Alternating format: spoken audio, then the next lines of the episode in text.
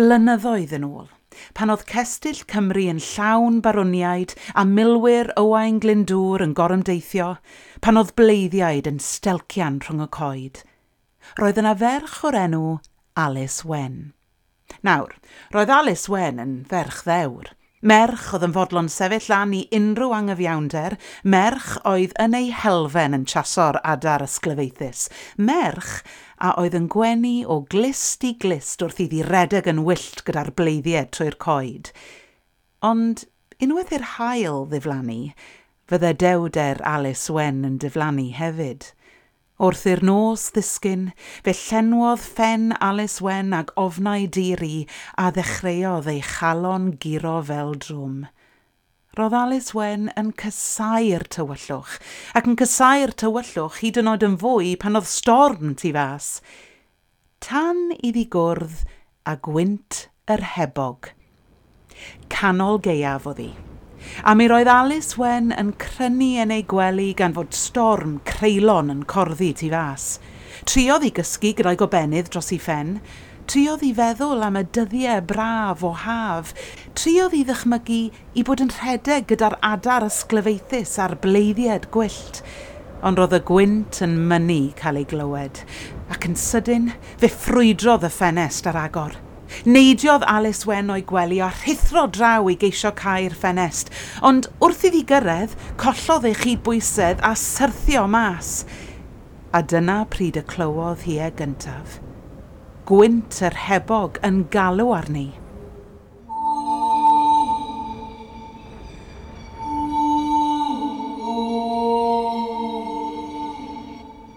Er ei bod ti allan yng nghanol y storm nawr, roedd hi'n gwybod bod yn rhaid iddi ddilyn y llais, y gwynt. Er gweithaf ei hofn, Rhoddodd un droed noeth o flaen y llall a brwydro ymlaen drwy'r gwynt a'r glaw nes o'r diwedd iddi ddod i lyn mawr wedi amgylchynu gan fynyddoedd tywyll. Safodd ar ymyl y llyn ac aros. Yn sydyn, cododd y gwynt o'i chwmpas.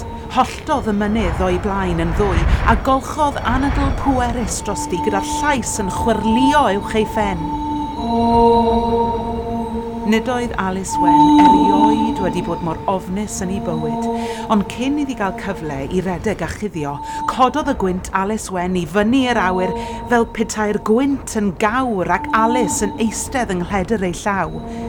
Ac yna, mor feddal a plien, clywodd Alice Wen anadl y gwynt yn canu yn ei chlist. Pan glywed i'r gwynt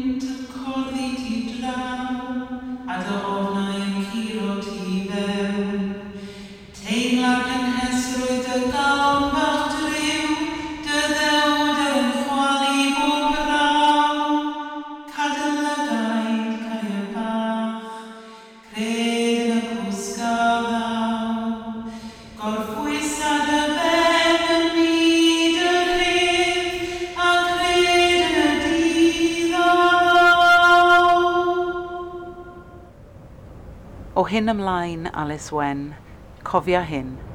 Pob mellten yn yr awyr, pob gwynt sy'n chwyrlio, pob tro mae storm yn bygwth. Meddylia amdana i. Gwynt yr hebog, a'r noson gadawais di dy holl ofnau gyda mi. Wrth i Alice dringo nôl mewn i'w gwely yn noson honno, clywodd hi'r gwynt yn corddi tu fas, a chlywodd hi'r storm yn bygwth, ond yn uwch na hynny. Clywodd hi gwynt yr hebog a'i chan lleddfol, a teimlodd Alice ei chalon yn cryfhau o fewn tywyllwch ei stafell wely.